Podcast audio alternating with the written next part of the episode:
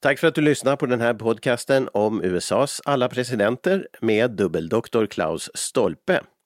Vill du läsa Stolpes böcker så hittar du dem på hemsidan boklund.fi. Fler samtalsprogram kan du också hitta på sidan totalmedia.com. Total med TH. Ladies and gentlemen, our national anthem. Mr. President. I, John Fitzgerald Kennedy, do solemnly swear. I, Barack Hussein Obama, do solemnly swear. So help me God. Free at last! Free at last! Thank God Almighty!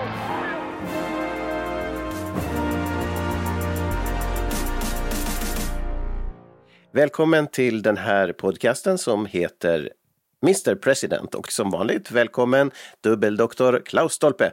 Tack, tack. Och vi har kommit till president nummer 11. Och det är James Polk. Men vi ska säga någonting bara för att minnas tillbaka till den tidigare presidenten som vi avverkade.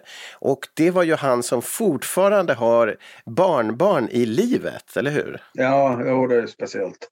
John Tyler som eh, som det inte alls var meningen att skulle bli president, men att han, eh, han fick ju avverka en, nästan en hel presidentperiod för att den som vann valet 1840 efter en, för den tiden enormt påkostad och genom arbetarvalkampanj William Henry Harrison så dog ju efter en månad. Och det betydde ju att John Tyler så, så fick vara president i nästan, nästan fyra år. Och han var ju då den första vicepresidenten som tog över och då befäste det här med att den som är vicepresident och tar över så är faktiskt president på riktigt. Det rådde ju en del det fanns ju ingen kutym, det fanns ju inget system för hur man skulle gå tillväga. Så att det var ju en del som som skickade post åt honom som var adresserat vicepresident Tyler eller TF-president Tyler och sånt. Det vägrade han ju att öppna det för att han konstaterade att det är inte han så att det måste ju vara, det måste vara på, den posten, den breven måste ju vara avsett för någon annan så att, så att det var en, det.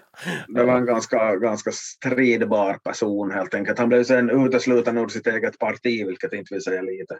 Nej, det, och det var ju en del konflikter, eller ja, lite oklarheter där vem som hörde till vad. Men, men, men en, en sak som vi ska säga också med Tyler innan vi går till Polk, det är någonting som du kallar för eh, Texas bombshell. På tal att han var lite eh, smäll, smällare kring honom, så vad var Texas bombshell? Ja, det, det är i slutet av hans presidentperiod så, så, så går den här John Tyler ut med att man borde helt enkelt annektera Texas. Och Texas eh, hade, hade ju en speciell bakgrund så tillvida att det hade hört till, till Mexiko tidigare men utgjorde nu egen republik, det är den enda delstaten som har varit liksom, ett självständigt land. Mm. Men att eh, det där var ju kringgärdat kring en massa frågetecken för att, eh, att det, de var bankrutta helt enkelt och frågade vad, vad mexikanerna skulle tycka och allt, allt det där. Och eh, det där ledde ut till en, en stor debatt och eh, folk hade samma åsikt som Tyler eh, och och där han drev på det där i valkampanjen, det här gjorde att valet hade 1844 så det var liksom det första gången som, ett, som det blev en stor valfråga av huruvida USA ska göra större eller inte. Just det. Och ja, ja, precis. Och det är det vi kommer till nu. Alltså James Polk, han är född 1795, fortfarande på 1700-talet och eh, han blir alltså president i denna, vid detta tillfälle som du berättar om, eller hur? 1844. Kampanjen börjar 1845 då antagligen. Det är april 44 som, eller på våren 44 någon gång som, som Tyler släpper Texas bombshell och då blir det en, helt enkelt en valfråga och det blir kommer också att påverka vilka kandidater som ställs mot varandra helt enkelt för att den här, det är ju väldigt mycket som är intressant med James Polk men att till att börja med så var han ju inte ens påtänkt som presidentkandidat från, från första början. Men när vi har pratat om att vissa presidenter är bortglömda och jag sa i början av den här serien att det är väldigt spännande för mig som tyckte jag själv att nu kommer jag få upptäcka presidenter som jag aldrig har hört om. Och i, i någon mån så anser du, eller hur, att det här var en rätt bortglömd president trots att att du nämnde nyss att han är intressant och det återkommer vi till. Men, men eh, det är inte en president som är så känd alltså? Nej, nej, det är det verkligen inte. Att, att, eh, att om man om man ser på den här tiden där, där ska vi säga runt mitten av, mitt, mitten av 1800-talet så det är ju i princip bara Lincoln man kommer ihåg om man nu tar det karikerat. Och, och, Ja, ja. Men Mm. att jag menar USA så blev dubbelt större medan Polk var president så redan det så sen om man tycker att det var bra eller dåligt eller om det gick till på rätt sätt så kan man ju alltid diskutera men att det var ju det var ju inte, det var inte en tråkig period utan det var ju USA blev som sagt dubbelt större plus att den här frågan om slaveriets vara eller icke vara så accentuerades ju, ju hela tiden. Mm. Och det är ju också kop- kopplat till det här med att om, om USA skulle bli större därför att, att då befarar man ju att i och med att Texas var en så jättestor delstat så, eller jät- jättestort område så, så var det ju inte heller självklart att Texas skulle, skulle bli en enda delstat utan det kunde lika bra ha delats upp i fyra, fem, sex stycken och då skulle man ju haft slaveri alla, alla dem helt enkelt Mm. eftersom det låg, låg söderut. Så att det, det var väldigt mycket som var spännande där. Dessutom så inför det där valet 1844 så var det ju också frågan om hur det ska se ut, var man ska dra gränsen i norr för att längst ut om man ser på en karta över USA och Kanada så gränsen går ju ganska rakt helt enkelt. Åtminstone dit västerut så löper den ju i princip längs 49 breddgraden. Men det var ju ingen, ingen självklarhet ännu vid den här, den här tiden för det fanns ett område som hette Oregon-territoriet som gick på bägge sidor om 49 breddgraden och, Mhm. och folk gick till Folk gick alltså till val med en slogan som löd 49-40 or fight, alltså att om inte vi får hela, betyder i klartext, alltså det är ju de där breddgraderna som det gäller, men att om inte vi Mm. får hela Oregon-territoriet så blir det krig mot, mot, mot britterna, Ah. dit ju Kanada hörde på den tiden. Det blev det ju aldrig, ja, man, kom, man kompromissade och drog gränsen rakt helt enkelt, men att nere i söder så blev det ju krig mot, mot Mexiko och eh, det ledde ju till att, att efter det kriget så, så hade ju då hade ju USA nått fram till eh, Stillahavskusten där och att det var inte bara Texas som, som började höra till, till USA utan även sånt som typ Kalifornien och delstater som, idag, som vi idag då känner som New Mexico, Arizona och, och, och de här så att det, Men det var var det för de staterna hörde inte någonstans eller hörde de till Mexiko också då? Eller? Ja, det var... Eh, ja, alltså de, de, Texas var ju självständigt, bara, alltså bara under en tid, period på 8-9 år, men att i de andra områdena som jag nämnde, där längre söderut, Kalifornien och så vidare, så, så, så de är ju de hörde ju till Mexiko, det hör man ju också på de där ortsnamnen, San Diego, San Francisco, Mm. och Los Angeles som verkligen inte uttalades på, på det vi utan Los Angeles eller något liknande. Jag kan inte spanska som ni märker. Men att, eh, så att det var ju sån här eh, mexikanska områden fram till dess. Ja, där finns ju må- många bra exempel där på liksom, eh, ja, lustigheter och kuriositeter men att, att det är ju det är ju alltså direkt efter att, Kalif- att Mexiko hamnat och ge bort eh, Kalifornien till USA så det är ju då man hittar guld där. Just det. Det blir så att, så att mexikanerna fattar ju inte heller, eller fattar ju inte amerikanerna heller vil- vilken rikedom de satt på så att, eh, att ifall nu någon av lyssnarna råkar vara intresserade av amerikansk fotboll, vilket jag inte, men att, eh, att eh, det finns ju ett, alltså ett av de här kändare lagen eh, i, inom den grenen så heter ju San Francisco 49ers och det, sy, Mm. det namnet syftar ju alltså på de som for dit och grävde guld för man hittade guld då, då då det här 1849, eller 1848 hittar man väl det där guldet ungefär. Bläck, bläcket på fredsavtalet mellan USA och Mexiko hann väl inte torka heller Ja, innan startade och sedan, men att den här stora anstormningen skedde då 1849 så att det har då gett namn åt det där American football-laget. Det låter ju annars lite konstigt det där lagnamnet om man inte känner- till den bakgrunden. Man kanske överlever i alla fall men att det, Ja, men det, är inte, det har inte med breddgraden 49 att göra utan det Nej, har det har det med ju inte. året för att göra. Exa, exakt, för att skulle, skulle det ha hänt någonting något lag i Seattle så kunde det kanske hett Seattle for- for- 49ers och syfta på breddgraden. Det har jag aldrig tänkt på, men att, att det här är ju helt enkelt nere i, nere i Kalifornien kort och gott. Men det här Manifest Destiny, det här är hela den här rörelsen som, som du har nu berättat lite grann om, vad, eller hur? Vad, är, vad, vad gick det ut på det där?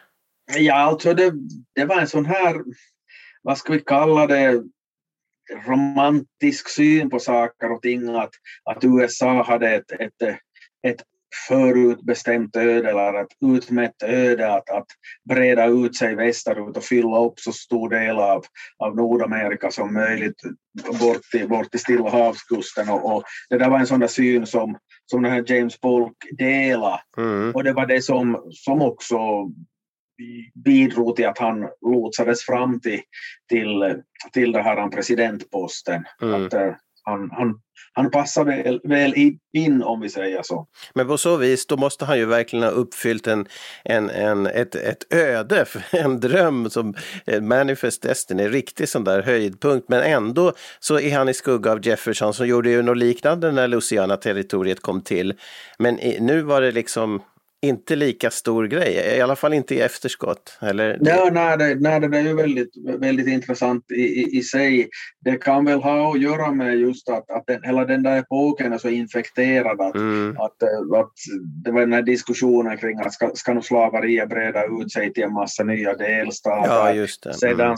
så, så äh, tyckte man väl att äh, folk och hans närmaste hade provocerat fram det där kriget mot mot, mot det här Mexiko och så vidare. Det var lite annat med, med det här då Jefferson, om man under Jeffersons tid som president köpte det här Louisiana-territoriet för att då, av, av Napoleon för att då, då skedde det ju utan skottlossning helt enkelt. Mm. Det var ju inte mindre liksom diskutera med i termer av folkrätt så det var ju det så schysst heller för att det var ju ett område som, där det egentligen bodde ursprungsbefolkningen Mm. men det, det struntade ju såväl fransmän som, som amerikaner i så att Mm. det var ju det finns ju en massa fläckar på den skölden också men att, att det tog man inte så hårt på på den tiden. Men, Så eh, att- men det här själva kriget mot Mexiko, det, var, det upplevdes väl av Lincoln och så, eh, andra senare att Polk hade fram, vad ska man säga, provocerat fram det. Vad var det? Ja, ja, ja. Hur det fick- omfattande? Nej, det var, nog, det var väldigt mycket kritik och det, men att det har nog också mycket med det här att, att göra att, att det var så infekterat där så att man vi- ville inte ha den här risken att dra på sig en massa nya slavstater för att det, det vägde ju jämnt.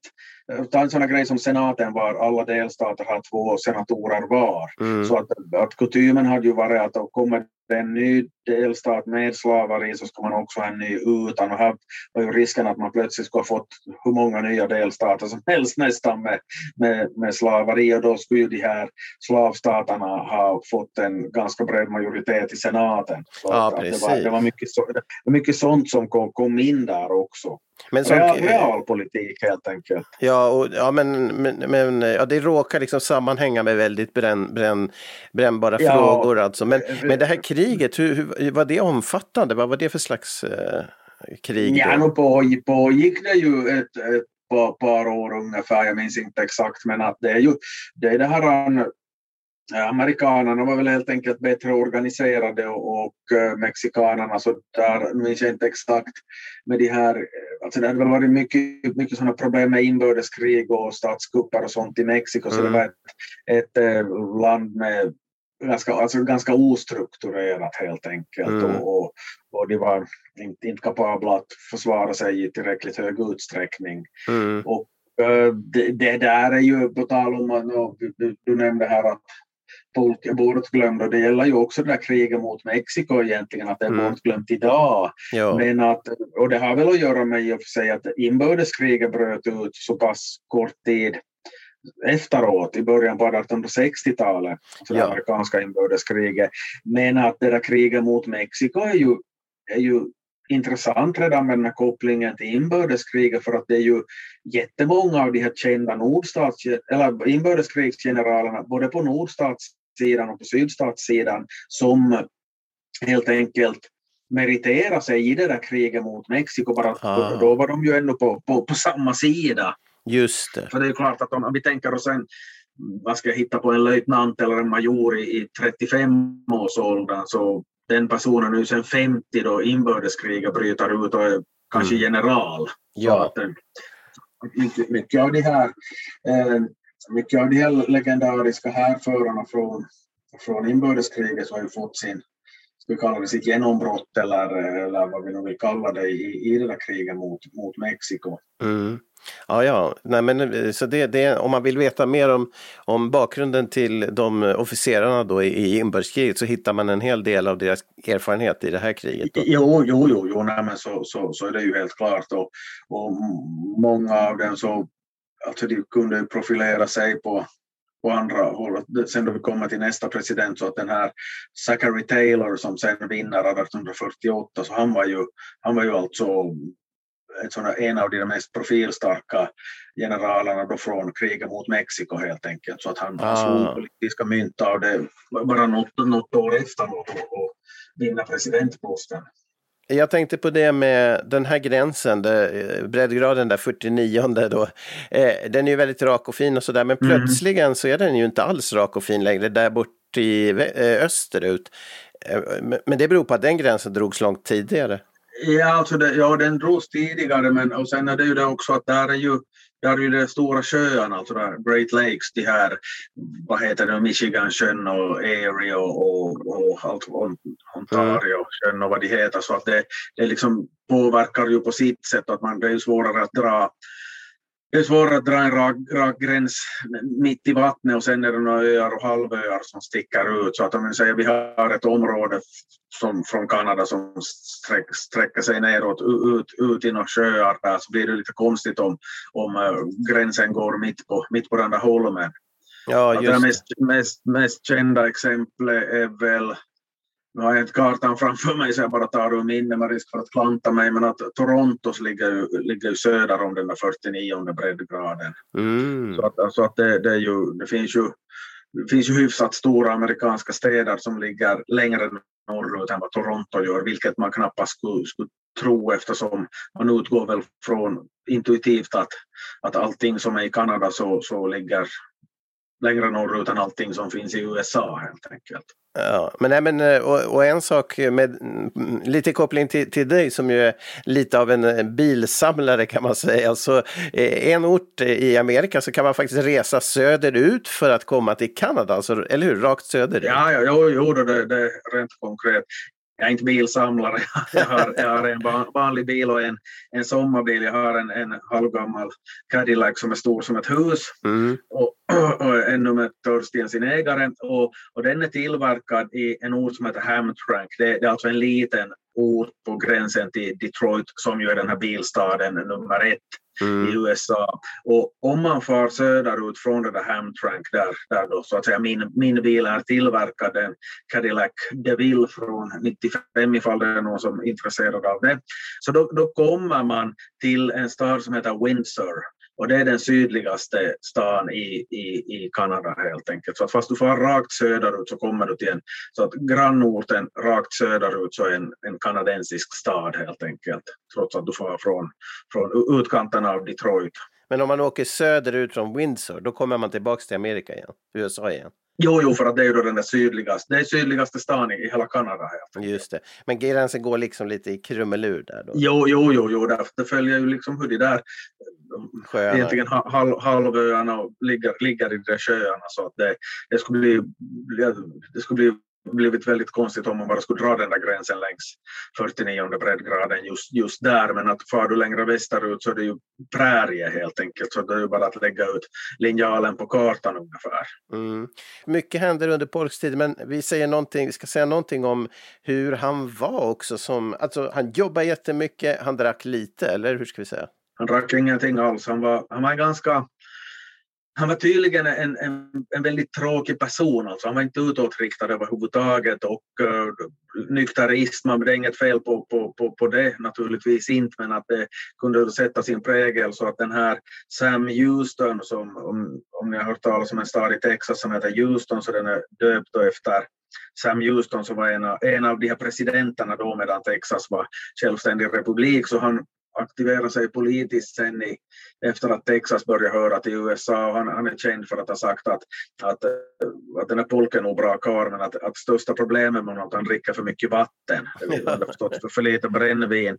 Och eh, då, då var det så att frun var samma andas barn, så hon såg ju till att, att det blev kruttorrt där i Vita huset. Att det, blev, det blev alltså totalt spritförbud i Vita huset. Så att, så, så, att det, var, det, var, det var inte några häftiga fester, fester där inte. Och, eh, och sen jobbade han väldigt hårt. Det sägs att han nästan aldrig var så där helt ledig, jobba långa dagar och sen en sån där grej som jag tycker att skulle varit svår att genomföra redan på den tiden var ju att, att under kontorstid så fick ju vem som helst så hette det i alla fall, att vem som helst fick komma och knacka på till Vita huset om man hade något ärende.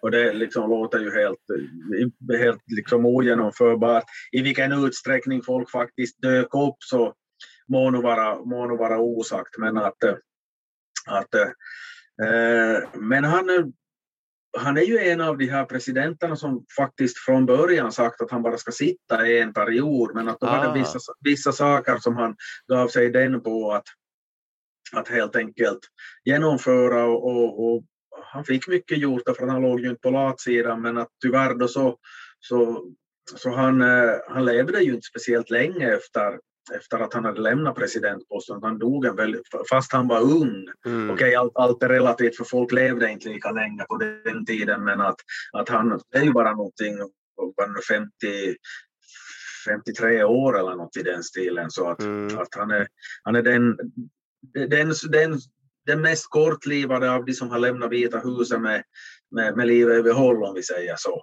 De flesta som har valts till det där ämbetet så har ju varit har ju varit äldre då de har valt sen var Polk var då han dog helt enkelt. Ja. Jag menar, 53 är ju inte någon, någon ålder att, att bli, bli president i USA. Nej, nej, just det.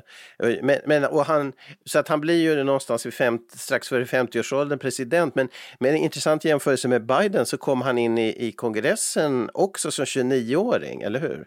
Ja, det där är ju en sån där ganska speciell grej för att, att man måste vara 30 för att bli senator, så att Biden var ju 29 då han blev vald, men han hann ju fylla år fylla förrän han tillträdde. Mm. Minns jag inte på rak arm var åldersgränsen går i representanthuset, om det är något, något lägre, det är ju världens enklaste sak att googla naturligtvis, men att redan som 29-åring så, så blev han invald i representanthuset och eh, det betyder ju i sin tur att, att då var ju Andrew Jackson som vi, som vi har gått igenom för ganska länge sedan i den här serien så, så var ju som vi, vi full, full, full vigör då ännu. Ah. Och det där så påverkar ju fortsättningen för Polk därför att han blir, han blir han är full av, fylld av beundran för, för Andrew Jackson mm. och uh, frågar råd om honom i väldigt mycket. Och det ska också då ha banat väg för honom till presidentposten för att då det då det är val, inför valet 1844 så då är det en annan tidigare president, Martin Van Buren, som ska göra comeback och är förhandsfavorit bland mm. demokraterna. Men, mm. men då är det då så att, att folk, liksom Jackson, så vill vill att USA ska bli större, man vill införliva Texas. Och folk är, är då besviken på Van Buren äh, signalerar att det där med Texas nu inte är så riktigt viktigt. Och eh, då tar han kontakt med Jackson för att fråga det om råd.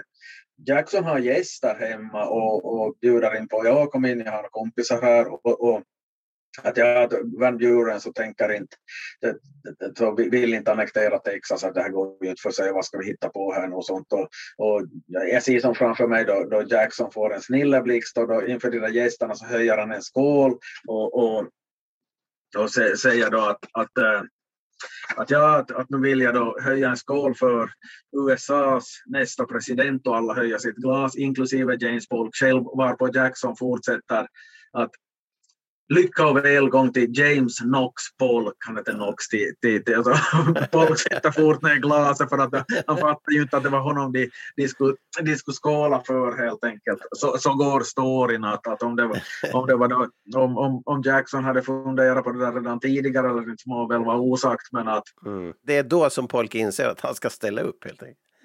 Ja, egentligen inte för att, att, att han, han blir väl helt sådär omtumlad för, för grejen är då att jag, näm jag nämnde då redan den här Van Buren som, som ska göra comeback men, men då det drar ihop sig sen så, så är det en karl som heter Louis Cass eh, och Van Buren som är de här huvudkandidaterna. Och, och på det där partikonventet så, så då man röstar så har alltså Van Buren mer, i första omgången så har han mer än hälften av rösterna.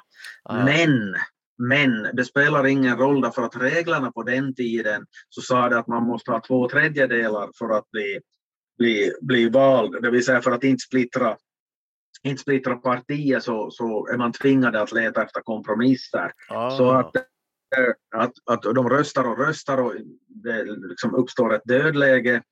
Och de, de har inte något sådant system som, som vi har, typ en andra valomgång eller något, något sånt om man tänker, jämför med ett finländskt presidentval eller något. Utan Mm. man röstar och röstar tills någon, någon har och, och har, en, har två tredjedelar. Och i, det är först i den där åttonde omgången så, så är det någon som föreslår den här polk rent formellt.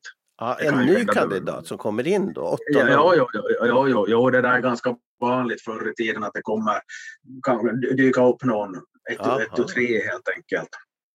Nå, om vi nu ska vara petnoga här så i den där åttonde omgången så då, då får han 44 röster mot 114 för den där Cass och 104 för Buren så han är ju han är ju helt enkelt långt på efterkälken. Men då, då har folk börjat få nog redan och insett att varken Cass eller Van Buren så har en chans att få de där två tredjedelarna. Så att, eh, att då i den, följande, den nionde omgången så då, då, då får denna Polk helt enkelt de flesta rösterna. Oj! Ja. Det där ser, att, att om man börjar botanisera i det där så det kan se, se helt knäppt ut om man tittar på gamla valresultat från sådana här partikonvent. Det är, det är något, något presidentval så, så har man inom något av, jag tror det var i Demokraterna, så i början av 1900-talet så hamnade man och röstade över hundra gånger innan någon fick de där två tredjedelarna. Så att det, det ser ju väldigt konstigt ut om man bara får den där sifferserien framför ögonen. Det Det, då, tycker man att på ingen av de där, jag vill inte rösta på den andra kandidaten så då hellre röstar jag på en tredje för, för det är mindre skadligt än att jag röstar på... Ja, precis. precis. Att en kompromiss helt enkelt. Mm. För att det är ju också där man tänker att det kan ju gå prestige i, i, i, i någonting så att eh, till sist så blir det så att vem som helst utom den här som jag då upplever som huvudmotståndare helt enkelt. Så Mm. att det kan man ju se i andra sammanhang också i samband med anställningar eller, eller, eller vad som helst. Att det, det kan ligga sådana saker bakom att om någon oväntad person får en tjänst av något slag så kan det bero på att, att, eh, att eh, ja, det är en tudelning mellan två helt andra alternativ och så plockar man fram ett tredje. Jag säger inte att det är ett bra sätt men att det, det, är, ju, det, är, ju, ett- det är ju ett konstaterande i alla fall för då, då annars är ju risken att, att någon får börja sin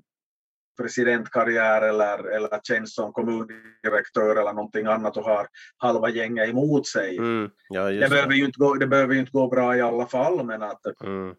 men ändå.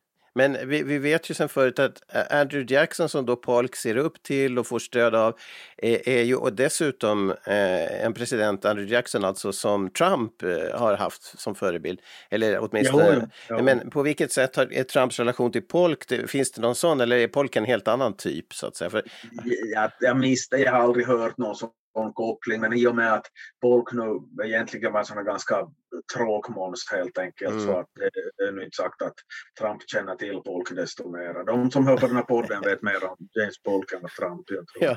Men vem är Polk sa, sa till och med motkandidaten, eller hur? Eh, Ja, ja, det, då, ja, det där är ju en, en annan kul grej med då, då, då Polk då har vunnit där i, i nionde omgången. Då har vi en ny uppfinning, nämligen telegrafen. Mm. Samuel Morse, Morse, Morse-alfabetet har ju allihopa hört talas om antar jag. Och då, då, då man ska, alltså, de där partikonventet i Baltimore i Maryland, det, det är ju alltså jättenära huvudstaden Washington DC. Mm. Men att, att, så att telegraflinjerna var ju inte så långt utbyggda på den i och med att den här uppfinningen var helt ny så att Mm. och så var det kanske knöligt att skicka så att man, när man skickar ett telegram för att berätta vem, vem som har blivit utsedd till Demokraternas presidentkandidat så skriver man bara Polk. Ja. Ingenting, Pol, Polkis elected eller no, någonting sånt. Man Ett skriver ord. bara Pol, Pol, man skriver bara ett, ett ord, Ja. vilket gör att, att folk tror att, att att det är något fel, att den där uppfinningen funkar inte, att det, det är någonting som är trasigt helt enkelt. För, för att man tror att, att ja, men det ska stå antingen Cass eller Van Buren i det där telegram. Men det kommer bara ett telegram med polk. Och så för att jag, jaha, så att det här var någon sån där, telegrafen var tydligen någon sån där skräp som man inte har så mycket nytta av i alla fall. Men, men, vad, Eh. men du, du har menat att han själv blev överraskad, men inte av telegrammet utan det inte av det telegrammet utan att han som blev liksom på, påtänkt. överhuvudtaget i åttonde omgången där. Och, ja. Ja, ja, ja. Mm. Sen kan det ju hända, att det är ju sånt som man inte vet, att det kan ju hända att, att han var vidtalad, att, att, att det här kommer antagligen att bli ett dödläge och då för vi fram det i något, något skede. Så att det, Mm. det, sånt, sånt, det kan ju faktiskt ha, ha funnits, fun, funnits med det. Det är ju sånt som man inte riktigt kan veta, men att det, det finns alltså exempel på motsvarande från andra val också. Att man har helt enkelt varit tvungen att se sig om efter en, en en, en kompromiss av ett eller annat slag. Så att, Men, men han hade ju erfarenhet, han hade varit i kongressen, han hade också varit i eh, Tennessee, eh, guver- guvernör eller vad? Mm. Eh, han hade varit. Jaha, Eh, just det. Men det är en annan, annan grej att, att han hade ju kommit bort från den posten och, och liksom han hade förlorat två guvernörsval efter det. Mm. Och, och, så att och då tycker man ju att det skulle vara ganska svårt att bli president om man inte klarar av att bli guvernör. Men nu i och för sig det har Bill Clinton också gjort och säkert flera, flera andra också. Så att inte, inte är det ju alltid spikrak den där vägen till, till framgång. Inte, Mm. Oberoende om det gäller affärsverksamhet eller idrott eller politik eller, eller något, något annat. Men att eh, den här frågan, vem är Polk, så var det ju många som ställde sig och det blev också en slogan för, för den här motståndaren då, Henry Clay från Whigs, en person som vi har hört talas om i andra sammanhang, för han hade Mm. försökt bli president två gånger tidigare, så han, Mm. han hade utropat det, "Ve- vem är Polk? Och, och, och liksom för att för att liksom ge sken av att det där är ju ingen som egentligen bryr sig om. Eller, och han sa att ja, det var synd att, synd att jag ska nog ställa upp i ett presidentval mot någon som är totalt chanslös och, och så vidare. och så vidare.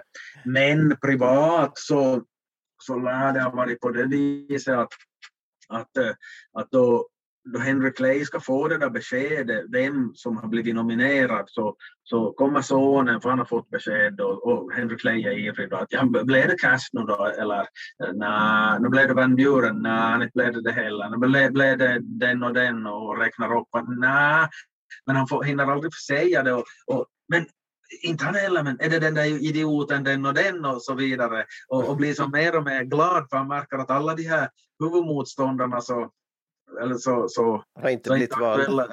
Ja, så, så, men vem blev det? Nå, till sist och så får det, så säger, säger den där den där, den där sonen, "Ja, det blev James Polk och så, och så bleknar den här Clay för att han har, det där han som inte, inte räknar med och den som tänkte i de Ah. banorna och så, så börjar han konstatera att fasen att det är liksom Jacksons polare och någon som är väldigt profilerad för den där annekteringen av Texas och sånt och så går han och och häller upp ett glas brännvin och sä- säger att ja, nu jag förlorar igen då. Är det så? Alltså att, ja, det, ja, bra fråga, för det är ju det vi inte vet. Att, att, att det är ju med, med det som, som väldigt mycket annat eh, av de här grejerna som vi går igenom, att, att eh, skulle vi bara hålla oss till fakta och vilka reformer de har drivit igenom och sånt, så jo, det, det, det skulle bli väldigt akademiskt och professionellt och sånt. Men jag tror vi skulle vara ganska tråkiga. Ja. Men, men, nej, men okej, så att han på å ena sidan har, har, anses Clay har sagt att han, han önskade sig en värdig motståndare men samtidigt har han i, i första stund insett att slaget är förlorat alltså. Ja, men att det är ju klart att, att han kan ju inte gå ut och säga att ja, oj då, det blev folk, jag kommer att förlora, utan det gäller att hålla, hålla skenet uppe helt enkelt. Polk är alltså demokrat, representant för Demokraterna och Clay är för Mm. Whig som det heter nu, det här partiet. Ja, och ja. då, men vad är det då med slavfrågan som, för den, hur är den splittrande och enande här? i- Eh, my- mycket, mycket väsentlig fråga för att, att så, Demokraterna förde ju väldigt hårt fram det där med att delstaterna själva ska få bestämma saker och ting. Mm, Nå, det betyder ju då inklusive slaveriet. Jo. Och, och så att det betyder ju praktiken att demokraterna ställer sig förstående till slaveri helt enkelt. Mm. Whigs så är, är ett parti som finns en kort tid innan republikanerna dyker upp och republikanerna profilerar sig genom att vilja förhindra slaveriets utbredning. Just det, ja, ja. De, de snackar ju inte ens om att, att förbjuda slaveri utan det skulle få finnas där det fanns från förr men i nya delstater ska det förbjudas. Mm. Och, och Whigs öde så blev det att, att de var för splittrade i den där slaverifrågan. Ah. Och eh, det där personifieras, det, det här som jag nu säger så kommer ingen att tro på för det här låter ju helt knäppt, men att, att det, det liksom, man måste söka vara både för och emot slaveri, men den här Clay så uttalar sig ju ofta negativt om slaveri, att ja, det är ju nog ett otyg som borde förbjudas och så vidare. Men själv ägde han slavar. Jaha. Så att det, det är ju liksom, det är ungefär som att, att okej jag tycker att det är skit men eftersom andra, eftersom det är tillåtet så håller nog på med det tills vidare. Antagligen säger det mycket om människosynen. Alltså att de människor som var slavar såg man, trots att de inte skulle vara slavar, skulle man ändå se ner på dem. Så att det, det, var, Ja, det var liksom inte Ja, så ja, farligt att de var slavar, men det var lite kanske bättre att de inte var det, ungefär sådär. Ja, ja precis, eller vi kan dra, vilken parallell som helst funkar lika bra. Vi säger att, vi säger att rattfylleri skulle vara tillåtet och så skulle man Mm. tycka då att, att, att eh, det är fel att köra bil i fyllan men eftersom grannen får göra det så varför ska inte jag? liksom? Ja, just det-. Ja. Det, det, eller, eller egentligen sa du det, att det säger mycket om människans sätt att resonera på. Men, att, Mm. men eh, folk, säg, säg vad man vill om, om honom, då, men att han hade ju ändå ett klarare budskap att Mm. slaveri är helt okej.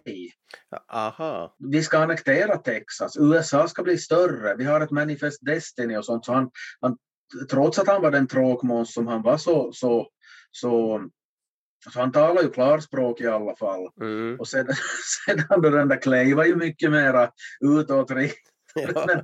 Att, han- honom anklagar Demokraterna för att, att bryta mot tio Guds bud på ett sätt som var anmärkningsvärt systematiskt. Och det kunde man ju inte säga om Polk i alla fall, han bara, satt ju var, trå- han bara var tråkig. Ja. Så att vi kan angripa honom på annat sätt, men att Men hur är det med det där valet då? Alltså det är ju lite så här halvt eh, sorgligt när man hör om de där som Clay då som har kämpat tre gånger och utåt säger han att han borde ha fått en bättre motståndare.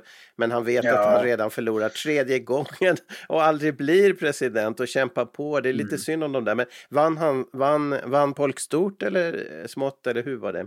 Ja, alltså det var väldigt jämnt det där valet. Att, att, Mm. eh, Ser man bara på dialektorsrösterna så hade väl nog eller visst övertag för, för, eh, för Polk. Men, men grejen var att eh, New York var den överlägset största delstaten och där var det väldigt jämnt. Så att om det skulle ha gått annorlunda i New York så då skulle, då skulle, då skulle Clay ha, ha vunnit. Och där var det nämligen så att, att Polk hade 49 procent av rösterna, Clay hade 48 procent av rösterna och sen fanns det en tredje kandidat som hette Bernie Jaså?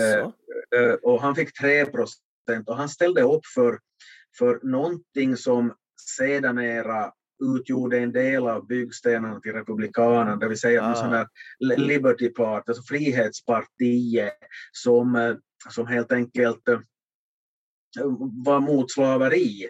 Och, Mm. eh, och, och han fick då bara, bara 3, 3 procent i New York. Men om vi tar en alltså om vi tar och konkretiserar befolkningsunderlaget var ju ofantligt mycket mindre på den tiden så att den där Bernie fick, fick 16 000 röster i New York men skillnaden mellan Polk och Clay så var, var, var det här 5 000 röster. Så om vi säger att en tredjedel av de där Bernies röster skulle ha gått till Clay Just så, så. Clay, så skulle Clay ha vunnit i New York och därmed skulle Clay ha blivit, blivit president. Mm. Och eh, man kan ju ändå anta att, att de här som, som röstar på den där Bernie så, så, så, så de flesta så tyckte väl ändå att Clay var bättre för att eh, jag, menar med den här Texas-frågan och att det skulle komma fler delstater med, med slaveri och allt sånt så kan de ju knappast ha tyckt riktigt, Mm. riktigt riktigt bra om. Man kan om man vill dra en parallell till ett, ett ännu grövre extremfall i, i modern tid, näm, nämligen då då George Bush den yngre blev vald första gången år 2000. Ja, så då, stora, då står det ju ja. falla med Florida. Precis. Han vinner med några hundra röster mot, mot, mot Al Gore. Och uh, Al Gore har ju fler röster totalt sett i, i, i hela landet. Mm. Men då, då, då, då, det som man kan säga att, att fällar Gore, som ju ändå är en känd liksom, miljövårdsförespråkare och sånt, så det är ju att att uh, de gröna ställer upp en egen kandidat som heter Ralph Nader och, Ja, just han, och, och, och som man tänker att han inte skulle ha varit med så skulle ju Al Gore ha vunnit i den där delstaten och därmed vunnit hela valet. Så att, Mm. att det där med, med att spjälka upp rösterna så kan ju vara väldigt farligt helt enkelt, eller avgörande för, avgörande för utgången. Så, men, men så Polk vinner med en knapp, eh, gör en knapp seg kan man säga då. Ja, det kan, det kan, man, det kan, man, det kan man säga. Vad har han uträttat mera Polk då? För han gjorde, jobba, jobbar ju jättemycket. Ja, det var ju en massa sån här liksom mindre ärenden som kanske är ganska ointressanta för, för oss, men att mitt favoritexempel så att det finns ju såna grejer som man tänker att men det där har ju funnits hela tiden, men Mm. att det, någon gång har det ju börjat och det var det var under hans tid så införde man frimärken i USA. Man kan tycka, vad, är det med det då? Men det där är en ganska kul grej för att tidigare då man inte hade frimärken så, så, så, så drog man, klart inte var ju frakterna gratis i alla fall, men det var ju så att, att mottagaren av den här försändelsen eller brevet, det var mottagaren som betalade porto. Och Ah. då, då, postiljonen då, eller diligensen eller vad det nu kommer med den här, det här brevet eller de här grejerna till, till kunden eller mottagaren så, så förväntas den här betala och då är ju jobbet redan gjort, de har ju redan fört dit prylarna. Mm. Men då kan det hända att de inte hittar den där adressaten eller att adressaten inte har några pengar eller helt enkelt vägrar att betala.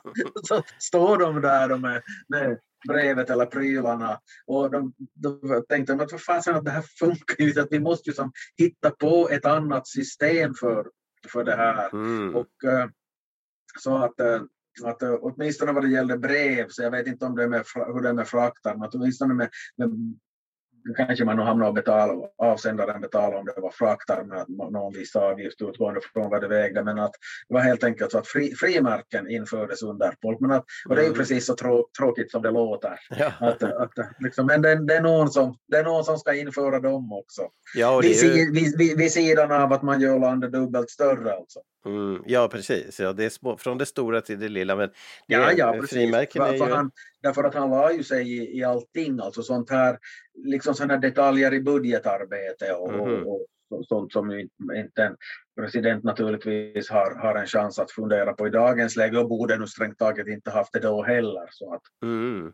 Nej, men det, det är en verkligt spännande president, man, man, hur, han var. Liksom. Han måste ha varit otroligt intensiv och igång som du säger hela tiden, 12 Ja, timmars arbetsdagar. Och... ja, upp- uppenbarligen så var han, så, så, så var han nog, eller alla, alla vittnesmål så, så ty, tyder på det, att någon sån där, lite sådär nästan robotmässig känns han. Så, Mm. så, och det här med att ha White House öppet och allt vad det nu gav för praktiskt resultat. Men det är en märklig, ja. märklig tanke. Men det här uttrycken Young Hickory och Old Hickory, vad var det för någonting? Det har något med honom att göra? vissa presidenter har smeknamn, öknamn eller vad man vill kalla det. Och det här Andrew Jackson så kallades för Old Hickory. Mm. Och hickory så är ju ett träslag som är, är väldigt hårt. Det är, väl, eh, alltså det är väl amerikansk valnöt helt enkelt. Mm. Jag använder det, jag ska röka lax, jag, bara- Mm. men, men dock, dock i spån, spånform, det, det ger en god smak. Äpple är också bra, bara så, så ni lärt er det också. Men något det finns ju. Går ni, till, går ni till butiken och köper de spånerna till en sån där rök, röklåda så, så att om man vill, det går att variera de smakerna och hickory är ett sånt där alternativ. Det är liksom det som jag kop- kopplar ihop det där. Mm.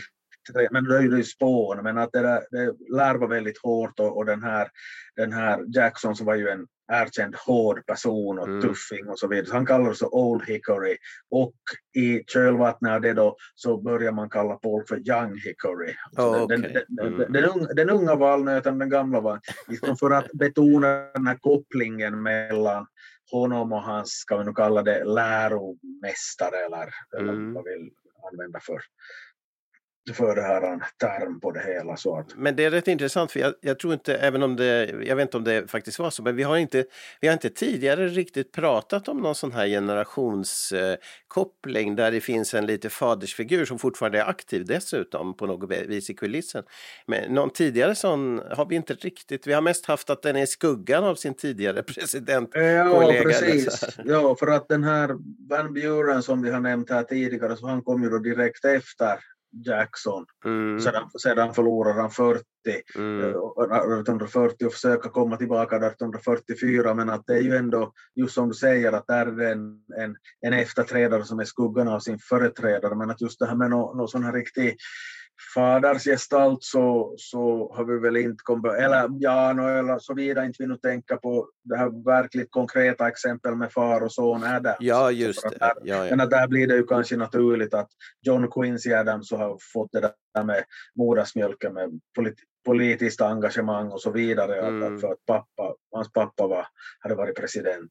Men jag skulle säga idag, man, ibland blir det något sånt där man ser i media när presidenterna möts eller eh, visserligen stöttar äldre presidenter en viss kandidat från sin egen skara då kanske och är med i det sammanhanget i valkampanjen. Men annars känns det som man är rätt noga med att eh, hålla sig undan naturligtvis från, från att blanda sig i.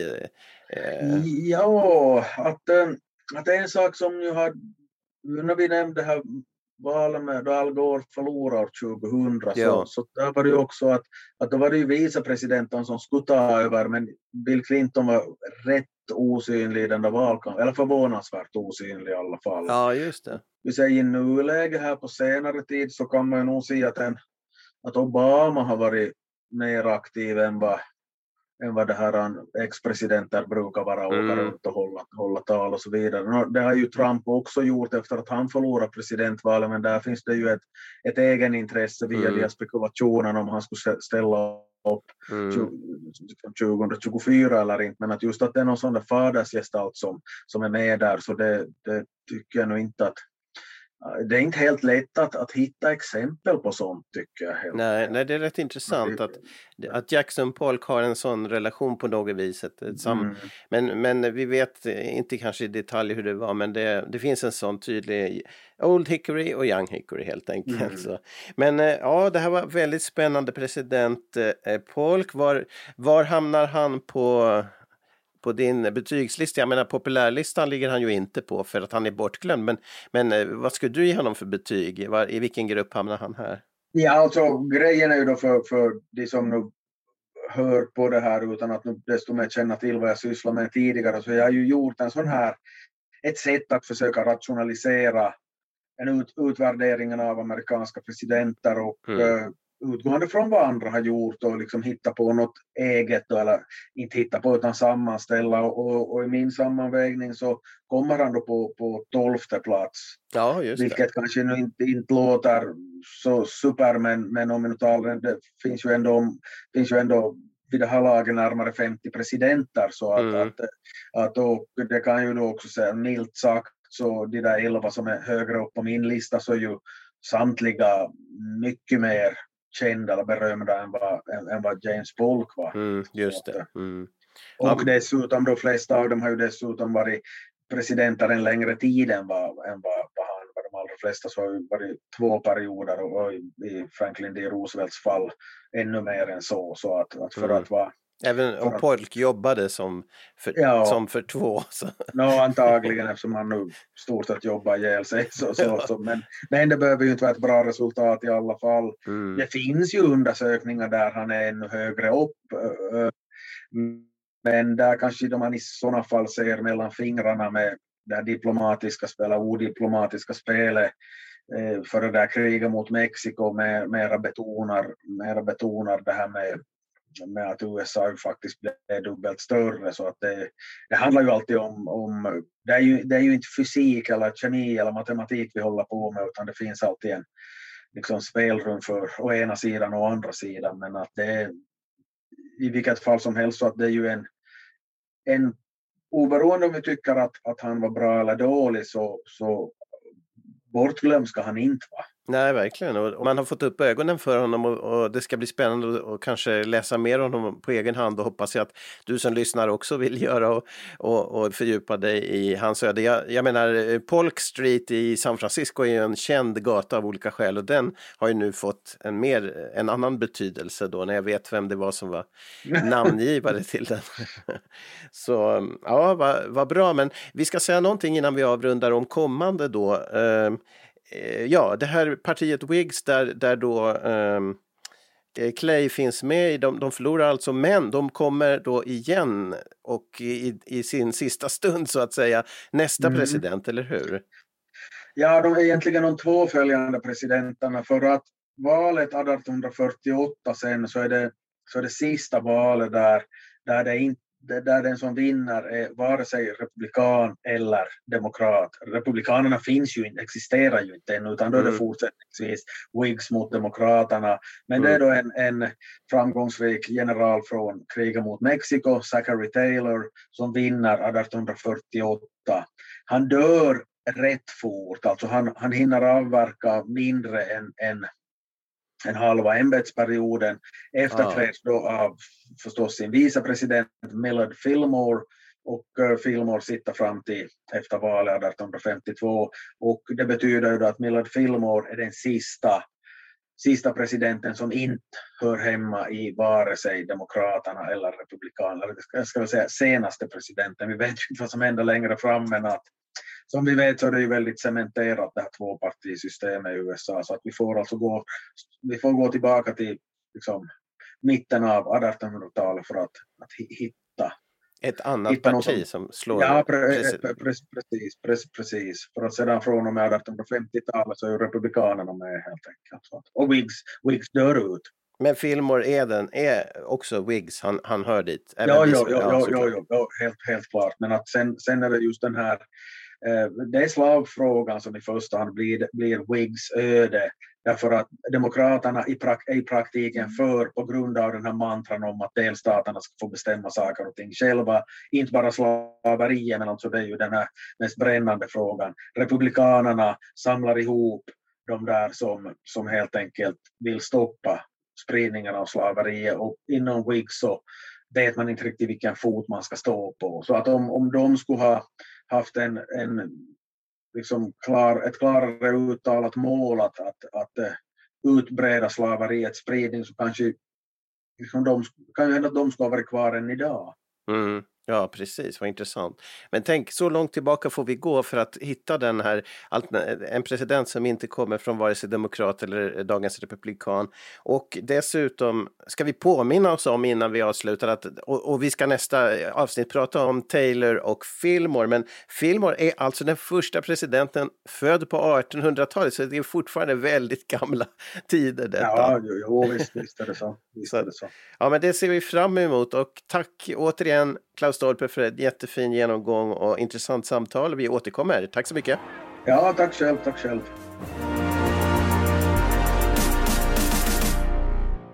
Du har lyssnat på podcasten Mr President och du kan hitta fler avsnitt och andra samtalsprogram på sidan totalmedia.com. Vill du läsa Klaus Stolpes böcker om USA och presidenter så hittar du dem på sidan boklund.fi.